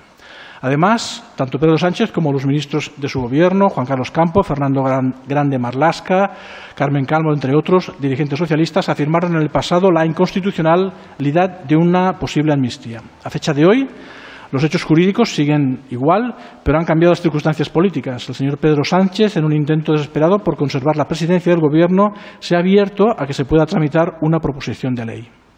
Además de suponer una inconstitucionalidad fragrante de nuestro además de, suponer una inconstitucionalidad fraglante, de nuevo se pretende utilizar un atajo para evitar los controles de legalidad del Consejo General del Poder Judicial, la Fiscalía y el Consejo de Estado. El precio de la presidencia no sería solo exculpar a centenares de delitos, sino deslegitimar el Estado de Derecho y blanquear y considerar la legitimidad de la sedición que se llevó a cabo. En definitiva, un inasumible precio político para cualquier gobernante decente y que por falta de rechazo explícito e incontundente por parte del actual Gobierno, está causando una profunda conmoción social también entre los vecinos de Ripollet. En las pasadas elecciones generales, recordemos, el pasado 22 de julio, los cuatro primeros partidos aquí obtuvieron, bueno, en general, el 89,45% de los votos emitidos, casi el 90% a nivel nacional, y en Ripollet los partidos independentistas bajaron del segundo al quinto lugar, en el caso de Esquerra Republicana, y por debajo del 4% en el caso de Junts per Catalunya, Junts. Por estas razones, el Grupo Municipal del Partido Popular de Ripollet propone al Pleno del Ayuntamiento la adopción de los siguientes acuerdos. En primer lugar, rechazar cualquier tipo de amnistía o indulto generalizado para cualquier grupo de ciudadanos, cualquiera que sea su delito. En segundo lugar, considerar que el imperio de la ley es una expresión de la voluntad popular y tal y como establece el preámbulo de la Constitución y compromete a todos los poderes para su cumplimiento. En tercer lugar, expresamos nuestro rechazo y preocupación por la reunión mantenida en Bélgica entre Yolanda Díaz vicepresidenta del Gobierno en funciones, y Carlos Puigdemont, prófugo de la justicia. Instamos a todos los partidos con representación en el Congreso, los diputados, a evitar cualquier interlocución con partidos que defienden el golpe de Estado de 2017 en Cataluña y promueven ahora la mencionada amnistía. En cuarto lugar, animar a los dos partidos mayoritarios a buscar acuerdos de Estado que eviten que la sociedad española se vea sometida a las condiciones ilegales de partidos independentistas. Y, en quinto y último lugar, dar traslado de estos acuerdos a la presidencia del Gobierno, la vicepresidencia primera del, Vicepresidencia Primera y Ministerio de Asuntos Económicos y Transformación Digital, a la Vicepresidencia Segunda y Ministerio de Trabajo y Economía Social, al Ministerio de Política Territorial y a los portavoces parlamentarios en el Congreso y en el Senado, así a la Junta de Gobierno de la Federación Española de Municipios i Províncies. Molt bé, gràcies. Donem la paraula als diferents grups. Eh, per Esquerra Republicana de Catalunya. Bona tarda. El Partit Popular, que va ser el responsable de la judicialització del conflicte polític amb l'aplicació de l'article 155, Avui ens presenta una moció contra l'amnistia i ho fan ells que han aprovat amnisties fiscals a defrautadors, que aquestes sí que els hi agraden. Esquerra Republicana porta anys lluitant contra la repressió. Hem aconseguit els indults, l'eliminació del delicte de sedició i la reforma del delicte de malversació. Des d'Esquerra Republicana creiem que és l'hora de resoldre democràticament el conflicte polític. Cal retornar a la política i agradi més o agradi menys, senyor Diegues, l'amnistia és una eina política històricament utilitzada per resoldre conflictes polítics. I anem més enllà. L'amnistia no soluciona el conflicte polític, sinó que posa el comptador zero. De fet, l'amnistia la donem per feta des d'Esquerra Republicana perquè va ser un dels, de les condicions per votar a la mesa del Congrés. La solució al conflicte polític és el referèndum i treballarem per això, perquè vostès, senyor Dieguez i senyor Hortes, eh, puguin votar no i nosaltres puguem votar sí. Ho tornarem a fer i per tot això votarem en contra d'aquesta moció. Molt bé, pel grup de Vox. Bueno, sabemos que desde España estamos viviendo momentos muy difíciles. Estamos atravesando por un momento muy crítico en el que el presidente en funciones, Pedro Sánchez, está haciendo todo lo que está en su mano para vender por trozos España, con tal de seguir un día más en la Moncloa. La posible amnistía que pueda conceder Pedro Sánchez no es una fechoría más de Pedro Sánchez, sino que es un atentado histórico que va a protagonizar el PSOE y que va a comportar la voladura de nuestro Estado de Derecho. La amnistía es un acto irreversible, un acto que va a poner fin a la España que conocemos a día de hoy y que va a dar una España en la que Vox va a hacer todo lo posible para, que, para no tener que pasar al siguiente capítulo al cual nos quiere llevar el señor Sánchez, por supuesto, protagonizado por un, un golpe de Estado en la Moncloa. Tras la investidura fallida de Feijó, en las próximas eh, semanas es probable que Pedro Sánchez intente conformar un gobierno, no sabemos si lo conseguirá, lo que sí sabemos es que está constatando y lo que Vox lleva denunciando desde hace muchísimo tiempo es que el PSOE, no Pedro Sánchez, sino que todo el PSOE, de la mano de los separatistas, comparten un plan para destrozar la unidad de la nación. Hay una realidad que el PSOE va a intentar ocultar las próximas semanas para justificar su traición a todos los españoles y a la unidad de España eh, y también de Cataluña, aunque ellos afirmen lo contrario. No ha mejorado absolutamente nada gracias a las políticas de convivencia. Cataluña supo salir del golpe de Estado el 1 de octubre por la participación de la ley por parte de los tribunales, en la cual Vox estuvo denunciando a los golpistas, y sobre todo por la valiente acción civil de patriotas que supimos demostrar a todos nuestros gobernantes, tanto nacionales como regionales, que en Cataluña había una alternativa dispuesta a poner frenos si ellos no lo hacían. Si el golpe de Estado del 1 de octubre lo organizan desde el Palau de la Generalitat, el nuevo golpe de Estado se está organizando desde la Moncloa. Lo hemos visto en la reforma express chapucera del reglamento del Congreso, para utilizar las lenguas con fines de división. Lo vimos también con los indultos y la reforma de los delitos de sedición y malversación, y lo vamos a ver con la amnistía. Hay que insistir una vez más en la idea que hace meses eh, venimos repitiendo. No es posible blanquear al PSOE, no existe un PSOE de los patriotas un peso amigo de los, eh, de los, golpistas, porque absolutamente todo el PSOE, excepto voces disonantes que no se atreven a dar un paso más allá, está callado ante una situación extrema, ante una situación que consagra, eh, consagra la desigualdad de todos los españoles, ante una realidad que llevaría a beneficiar a los responsables del, de, del peor delito que pueden cometer eh, un político. Además de los argumentos jurídicos para, estar en contra de la amnistía, que son muchos, desde Vox nos posicionamos en contra de la utilización de esta herramienta para este caso por más motivos de la posible constitucionalidad o no. Nadie pone en duda que, eh, que nosotros defendemos el cumplimiento de la Constitución, a la vez que abogamos por su necesaria reforma para cumplir de manera real con principio de desigualdad para los españoles, pero no nos hace que haya motivos para eh, que nos hagan defender la unidad nacional social y terriblemente más allá de los constitucionales.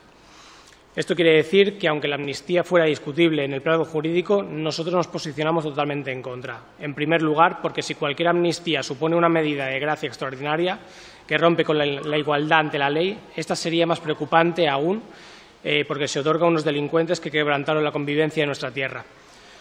Cabe destacar que la amnistía es una herramienta que se, suele utilizar tras salir de un régimen autoritario e implica la aceptación de ciertos errores en nuestro sistema. Eh, otorgar este, esta implicaría, por lo tanto, dar la razón al relato separatista de que España no es un país democrático y que se les persigue eh, jurídicamente por sus ideas y por sus derechos y, por sus hechos. Y es por este mismo motivo que nosotros votamos a favor. Molt El grupo de Decidir en Ripollet?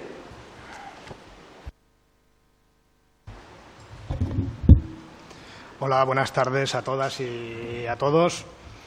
Eh, bien. Eh, una moción que viene a estar en contra de una amnistía. El primer punto que pone es elogiar una amnistía que se hizo en el régimen de en la transición, en el régimen del 78. Una amnistía donde se puso en el mismo saco y donde se amnistió a agredidos y agresores por igual, sin hacer ningún tipo de distinción y, ahí salen. Esto para, esto para empezar. Eh, un, capítulo, un capítulo más en este largo proceso que, es importante, que es de profundidad, de profundidad, pero que tiene fácil solución. Y, la solución es bien sencilla, es un Estado más democrático, un Estado donde permita a los pueblos eh, votar lo que quieren ser. Esto me parece eh, bastante, bastante esencial. Yo no soy, yo personalmente, yo no soy, yo no soy independentista. Ahora bien, una república catalana, pues igual sí que la podría ver con buenos ojos en términos de, un nuevo marco, un nuevo marco de convivencia, un nuevo, un, nuevo, un nuevo modelo de, Estado. La cuestión es que cuando se habla de modelo de Estado, aquí ni siquiera se permite, se permite debatirlo, ni siquiera a incluso se criminaliza el, tener uno otra opción, otra organización o otro país. Y, yo creo que esta, que esta, esta falta de, de, abertura de miras, de aceptar la realidad como es, como, como las personas, es un gran problema. Cuando se habla de la Constitución, cuando se habla del Estado, parece que la Constitución y el Estado sean un objetivo en sí mismo cuando son, eh, cuando son meros medios para, para, para convivir entre, entre, todos. No, pues, pues no, se convierte el, mantener sin cambios esta Constitución, este régimen del 78, parece un objetivo. Y no, no lo es, es, es simplemente un medio. Recordarles que de, de aquí a tres días es 1 de octubre. Yo aún me acuerdo del 1 de octubre y de los días previos. Allí habían fuerzas de seguridad nacionales con sus uniformes armados gritando a por ellos. Repito, a por ellos. No sé si a por todos los catalanes, pero por lo menos a por dos millones de personas, a por ellos, con sus uniformes y con sus armados. Eso, visto en cualquier plano, eso es una invasión porque, porque el Estado español vive en una continua, en un continuo, eh, una mentalidad de, invasión. Hay que, hay que, adoctrinar a los niños catalanes, hay que españolizar a los, a los niños catalanes, decían, con su policía patriótica ilegal, metiéndose, eh, eh, investigando ilegalmente a ciudadanos simplemente por pensar como piensan. Y a mí todo esto me sabe mal, porque todo esto estamos perdiendo un tiempo precioso para hablar de lo que realmente, de las condiciones de vida de las personas, con todas sus dificultades. No, no hablamos de, lo, de, los, de la subida de precios, no hablamos de alquileres, no hablamos de vivienda, no hablamos de educación, no hablamos de sanidad. Cuando esto se podría arreglar fácil, fácil, si dejamos votar a los pueblos, que yo creo que es, que es algo muy sencillo, es algo es algo muy, muy vital. Lo malo es que la derecha y la ultraderecha en este país y en todos los países Me puedes llamar comunista perfectamente. Perdón, perdón, eh, perdón. eh, tiene, tiene el turno de palabra el señor Pablo López. No, perdón, no, no. Usted eh, no lo ha insultado. Eh, tiene el turno de palabra el señor Pablo López. Gracias. Eh, yo creo que, bueno, las- he, he dicho extrema derecha. Bueno, no sé. Usted califíquese. Eh, lo malo, y esto es muy antiguo, es utilizar el enemigo común, el un enemigo exterior, para ganar votos. No es un debate de cómo progresamos o, cómo, o, cada uno qué visión tiene sobre, sobre la vida. No, es simplemente, es necesitamos un enemigo cuando no son los catalanes, son los vascos, eh, cuando, cuando no son los comunistas, cuando no son los judíos y cuando no es nosotros que gobernamos y que hemos gobernado mucho, le decimos a la ciudadanía que sus problemas no somos nosotros que somos los responsables, son otras, son otras personas. Y ahora nos tocan los catalanes. Simplemente una amnistía, a ver si se produce y, em- y- empezamos a normalizar una cuestión que debería ser normal, que es pura democracia, dejar votar a los pueblos y dedicarnos a los problemas reales de la gente. Nada más. Gràcies. Eh, pel PSC, la senyora Montse Arraez. Hola, bona tarda. Les darreres eleccions generals celebrades el passat 23 de juliol van dibuixar un escenari en el qual la ciutadania va demanar la formació d'un govern progressista i d'esquerres i va deixar clar que l'estat espanyol no vol retrocedir en el temps amb governs de dreta i extrema dreta. La suma de les forces progressistes és clarament superior, motiu pel qual queda palès que el missatge de tota la ciutadania és que cal continuar avançant amb un govern que basa la seva acció en polítiques socials i de defensa dels drets i serveis públics i també en el foment de la cultura del pacte i del diàleg.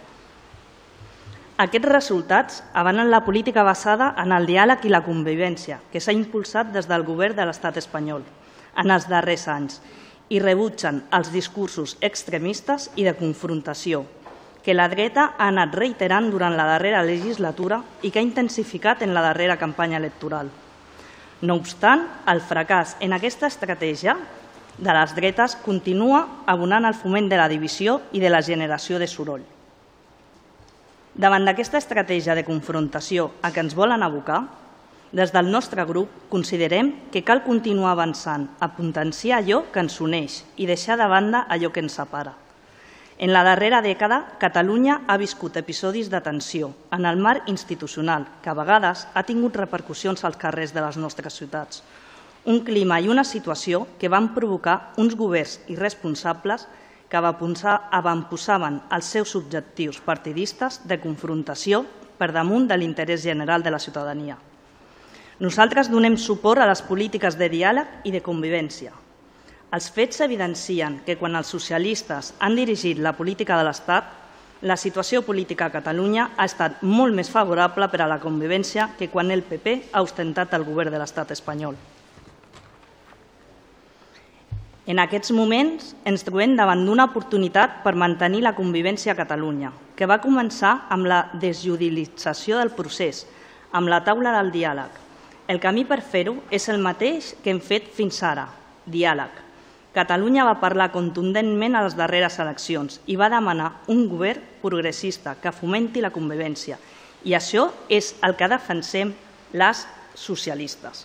Per aquest motiu, el grup municipal socialista de l'Ajuntament de Ripollet proposa al ple municipal l'adopció dels següents acords. Primer, donar suport a l'acció política basada en el diàleg que el govern d'Espanya ha impulsat en la darrera legislatura. Montse, eh, la moció la presenta el grup del PP, nosaltres no presentem cap proposta d'acord. S'ha llegit la moció, no, els, Pues els acords no els nostre... presentem. Me corto ja. Sí, t'has passat el, el, el que estaves llegint. S'ha passat el minut i el nostre favor és en contra. Molt bé, doncs amb els vots eh, favorables del PP, Vox i els vots en contra de la resta de grups eh, no s'ha aprovat la, la moció. Sí que m'agrada deixar cosa una clara, una cosa clara en aquest, en aquest punt per lo que acaba de passar. Aquesta és la sala, eh, i mira, això sempre ho diem, ho diem quan casem a les persones el discurs que tenim sempre dient que la sala de plens, agraïm a la gent que vinga aquí perquè és la sala que representa a tothom, la sala del diàleg, les idees i del futur de la nostra ciutat i és on treballem de forma eh, correcta, com s'ha de fer i de forma educada per, eh, per millorar la vida dels nostres veïns i veïnes. Eh, aquest alcalde no tolerarà vale? eh, i no ha hagut cap, cap insults, ni insults ni males, ni, ni males contestacions de cap manera. Vale? Eh, crec que, que aquí tothom pot expressar el que vulgui, és lliure i nosaltres, ningú ha tallat ni el senyor Diegues ni el senyor Hortas, encara que estem totalment en contra del que han dit, ningú els ha dit res, han pogut parlar tranquil·lament i demano que quan una persona parla amb les seves idees i està representant les seves idees, encara que no agradin, que eh, se'l respecti d'acord? I, que no, i, que no, i que no torni a passar això. Vale? Només això, espero que no torni a passar, jo sé, estic convençut que no tornarà a passar i que tothom tindrà el respecte que ha de tenir pels 21 regidors i regidores que estem treballant pel municipi de Ripollet en aquesta sala. Moltes gràcies. I ara passarem al punt eh, de pregs i preguntes i comença el senyor Dieguez. Molt bé. Sí, un brevísimo preámbulo. Nosotros cuando traemos a personas de nuestro partido a hacer alguna reunión aquí y tienen responsabilidades urbanas, siempre nos explican que es muy importante para temas de seguridad, además de, la policía y los cuerpos armados, medidas previas que son, pues es muy importante pues que los vidrios, no dejar que un vidrio se rompa y esté así, no dejar las calles sucias, porque eso es, una cadena que lleva a la inseguridad y lleva, lleva, lleva más problemas. ¿no? Pues cuando, un, cuando un vecino o un ciudadano está en un entorno bien cuidado, pues está mucho mejor, es una zona más segura. Hago este preámbulo porque, eh, digamos, tenemos quejas reiterativas de lo que nosotros entendemos que es mantenimiento. En concreto, tres, tres temas. Uno, los postes municipales, estos que son tan grandes que puede poner publicidad cualquiera, que sobre el papel pues bueno, tendrían que tener una iluminación superior y, en fin, unos LEDs que indicasen la hora y la temperatura. Y, tenemos uno aquí mismo, al lado del, bueno, entre, el Ayuntamiento y la Guardia Urbana, que, lleva un porrazo que parece, parece un plátano doblado. Y, y, bueno, el que está en la pasarela, a ver, a ver ¿Qué hay que hacer para que eso se arregle? Insisto, todo sobre el denominador común de que haya una buena imagen y tengamos una, imagen de, pueblo que cuando viene alguien, pues bueno, en conjunto esté bien. ¿no? En segundo lugar, también en, en el tema de mantenimiento, hay preocupación por el tema del alumbrado público. Todo el mundo puede entender que por la noche, pues bueno, por ejemplo, en la fiesta última del, barrio, se, bueno, porque además compartimos con, con el alcalde presencia, no pasa nada, que alguna, que alguna farola falle porque hay iluminación específica en ese momento.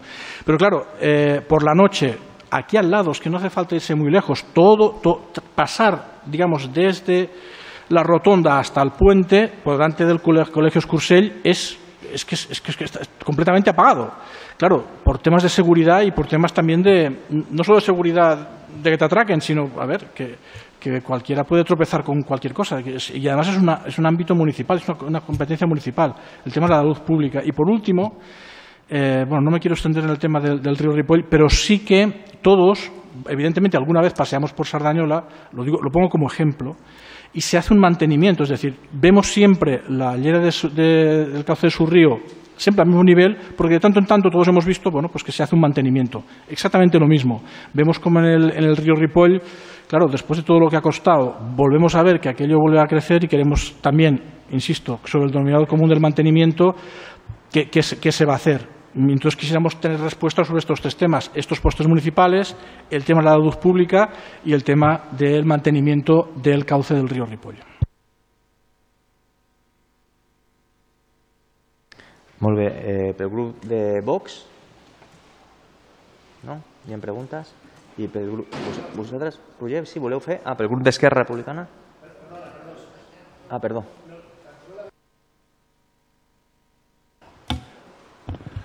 Desde Vox solamente queremos decir que nosotros que queremos que se cumpla la ley, punto pelota. Y si no, se, si no les gusta la ley, pues que intenten cambiarla. Ese es el tema, cumplir la ley que para eso se tiran horas y cuesta mucho dinero al público. Ese es el tema, ni más ni menos. Muy bien. Per el grup d'Esquerra Republicana... Bé, nosaltres eh, des d'Esquerra Republicana de Ripollet volem tenir un record especial pel nostre company i amic Josep Maria Tatxer. En Josep Maria va, re, va ser un membre actiu de la nostra secció local, va ser treballador de l'Ajuntament i sobretot volem posar en valor la seva tasca com a impulsor de la taula de discapacitat. Va treballar molt activament per aconseguir millores i no va tenir mai un no per ningú.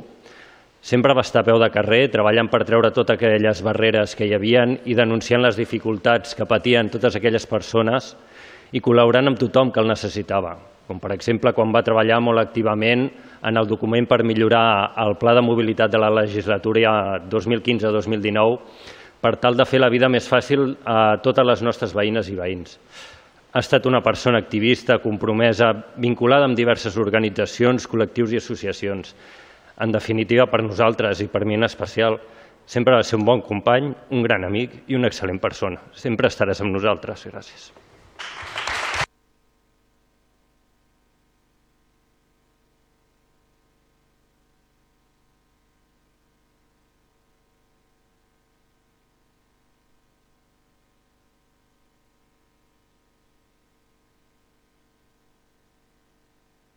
Moltes gràcies, Roger, per les, per les paraules, de veritat.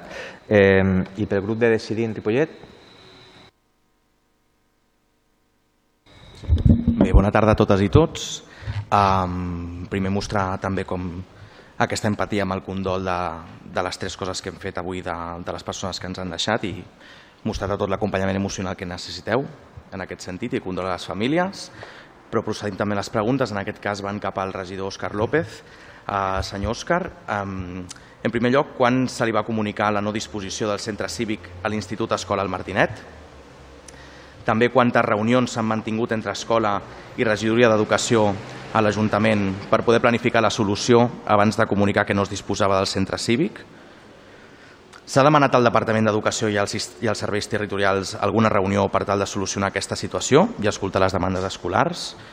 Aquesta reunió s'ha demanat abans o després de començar el curs. Sabem les previsions de la construcció de l'institut i a banda de la situació de l'Institut Escola al Martinet, si preguntem si s'ha demanat reunió com, com a Ajuntament a la Direcció de Serveis Territorials per tal d'abordar la planificació educativa en Ripollet. Per una altra banda, quines entitats han sol·licitat o demanat al centre cívic de Can Mas? Hem dit tot el que s'ha dit abans. I mm, preguntar si ha arribat també la subvenció per l'Oficina Municipal d'Escolarització. També tenim una pregunta per la regidora, la senyoreta Eva, senyora Eva, que és per l'estat de la taula de persones discapacitades. I aquí acabem les preguntes. Sí. Gràcies. Una altra pregunta seria que quan es té pensat convocar la primera reunió de la Comissió de Valoració de Llocs de Treball?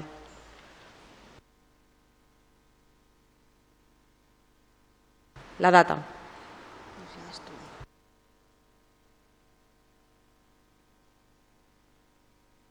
Vale. I jo per la meva part doncs, amb el Manuel Parra li demanaria, perquè li he demanat a l'Eva, però entenc que com ell és el regidor no, que porta tot el tema de, doncs, el contracte i tot a, no, a, sobre el Ripollet a Porta, doncs eh, ens heu fet arribar un plànol, però ens agradaria, suposo que hi ha un llistat que volca no, doncs, aquestes dades cap al plànol voldríem demanar doncs, que ens feu arribar aquest llistat amb els, tots aquests 100 contenidors extras que es posaran on es posaran, perquè encara no ens ha quedat clar amb aquest plànol i bueno, veure-ho en el llistat, simplement.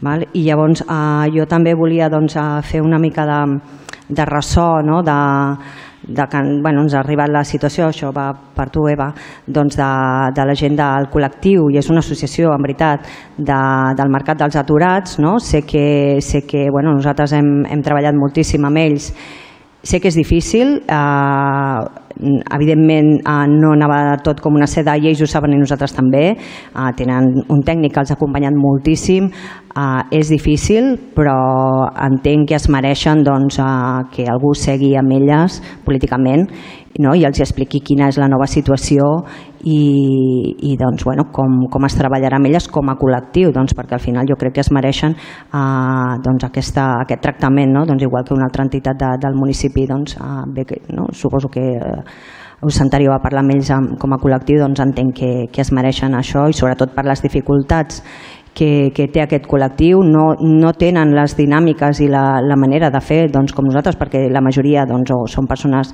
doncs, amb, amb, amb, eh, no, amb situació o irregular o gairebé irregular, amb moltes mancances no, doncs, de, de formacions, de doncs, bueno, molts problemes no, que necessiten molt acompanyament i a mi la veritat que em sap molt greu que, que ara mateix doncs, no estigui aquí la, la mirada, no? perquè al final, doncs, eh, com a servidors públics, crec que hem de poder donar veu i acompanyar doncs, aquestes persones. És evident que no era un èxit el que estàvem tenint i ja, ja és així, però crec que, no, que hem de seguir, és un procés molt llarg i, i crec que hem de seguir acompanyant-les i us demanaria, si us plau, no? més que un prec, és un prec que, que parlis amb ells i, i que doncs, vegis quina és la seva situació com a col·lectiu i no com persones individuals que difícilment s'adreçaran individualment als espais, sinó que necessiten això com a col·lectiu, ser tractades i veure quina, quines necessitats tenen i com podem doncs, seguir acompanyant-les perquè de veritat que tenen moltíssimes dificultats. Molt bé, si no hi ha més preguntes, si els regidors eh, que vulguin contestar poden, poden començar. Eh, la senyora Melody López. Sobre el prec del senyor Dieguez, ho tenim en compte, d'acord? I hi ha diferents vies per poder posar-se en contacte amb nosaltres. Via instància i via email a la brigada. Si vols li faig arribar. Gràcies. El senyor Puig. Al- en respuesta al señor Dieguez sobre la limpieza del río, el próximo lunes día 2 empezarán con, las- con la- con una nueva limpieza, ya que tenemos un contrato de mantenimiento de tres años y van haciendo cada vez que hay rebrotes de caña, nosotros les avisamos y vienen a hacer las, o- la- las obras de, de mantenimiento. Deberían haber empezado este lunes, pero por un problema técnico de la empresa eh, al final se han retrasado y empezarán este, este lunes día 2. Senyor López. Eh, hola, bona tarda de nou. Eh, nosaltres vam comunicar la decisió de, respecte al centre cívic abans de l'inici de curs. No, ara mateix li hauria de dir de memòria quin va ser el dia exacte, però va ser abans de l'inici de curs. En segon lloc, nosaltres també, o sigui, hem parlat molt amb serveis territorials, així com també ens hem reunit amb l'AFI i també amb la direcció del centre i també per correu electrònic. O sigui, hem, hem estat en contacte, no? com deia abans avui al principi de la tarda, hem estat en contacte i seguim en contacte i seguirem en contacte amb, tant amb serveis territorials com, com l'AFI, com la direcció o com representants de pares, etc. No? Hem parlat d'aquests temes amb serveis territorials i també de molts altres temes. Com deia, he dit abans també al principi de la tarda, a Ripollet hi ha hagut durant molts anys una manca d'inversions a les escoles i altres equipaments eh, educatius i nosaltres quan ens hem reunit amb serveis territorials hem parlat també d'aquests temes i de molts altres no? i seguim parlant amb, amb elles. No? I respecte a altres aspectes que no, no m'ha donat temps d'apuntar tot, eh, si després em dones el llistat i tu, tu respon per escrit o quedem un dia i parlem de tots els, aquests temes i, i d'altres. Moltes gràcies.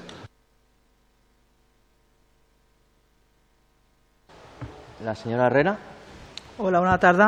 Uh, per la l'EIS, uh, la trobada de discapacitat està pendent de, de tornar a formar. Bueno, ja, ja estava formada, s'ha de tornar un altre cop a, a cridar. Ja estic parlant amb els membres de, que formen part d'ella i, i en breu bueno, es tornaré a, a parlar amb ells. Vale? I sobre el mercat dels aturats, després t'explico millor, vale? perquè sí que estem en contacte amb ells vale? a través del nostre tècnic, que és el, el, el, el tècnic de referent, Llavors, hem fet unes accions per saber en quina situació estan tots els membres que, que, que estan al mercat, dels aturats, vale? i aquesta valoració l'hem fet conjuntament amb el tècnic i eh, en cap moment jo m'he negat a reunir-me amb ells, vale? que això quedi molt clar, i, i, és, i estem treballant amb el tècnic, que és la persona que, que m'està ajudant a portar tot aquest tema endavant. Si qualsevol cosa em pregunteu i ja està. Vale? Gràcies. Més que Esperi, res que això, acabem, Ai, perdona, acabem perdona. les contestacions i després ja poden, poden fer la seva intervenció. Eh, anem per ordre. Eh, senyor Muñoz, Manuel Muñoz. Manuel, eh, Ay, perdón, qué lío. Manolo. Ah, bueno, contestar al señor Dieguez que sí que es cierto que tenemos un problema con el alumbrado público, que lo estamos mirando, eh, que también eh, vamos a cambiar. eh, mm, hay una zona de, la parte de Canmas que se van a cambiar farolas, pero también que estamos de cara al año que viene mirando eh, de mirar eh, de cambiar el contrato de mantenimiento que tenemos. ¿vale? y el señor alcalde le contestó por escrito. Y señora Martín. Hola, la senyora Soler que ha preguntat la data de quan es farà la comissió de valoració, no la tinc exacta, s'està treballant, Et contestaré per escrit, ¿vale? quan tingui la data i la, la informació. Gràcies. Ara sí, els grups de l'oposició, si teniu rèplica, si voleu dir alguna Ja cosa. està, que esteu molt pesada avui. Ja està. Molt bé. Ja parlo amb ella directament. Jo només volia posar veu, doncs perquè sé, evidentment, Sí. que, que el tècnic eh, està parlant amb ella i estem buscant, però és veritat que ells no ho saben. Llavors, si et tanquen directament i et diuen ja no pots muntar eh, i no et parlen amb tu directament la política, perquè això és una decisió política, és evident, no? doncs, bueno, eh, és, és bo de poder doncs, tenir aquesta inter- interlocució, no? Molt bé, perfecte. Doncs, eh, si us sembla, donaríem per acabat el ple de setembre, ja ens veuríem al, a l'octubre amb, el, amb el següent ple. Moltes gràcies i bona tarda a tots i totes.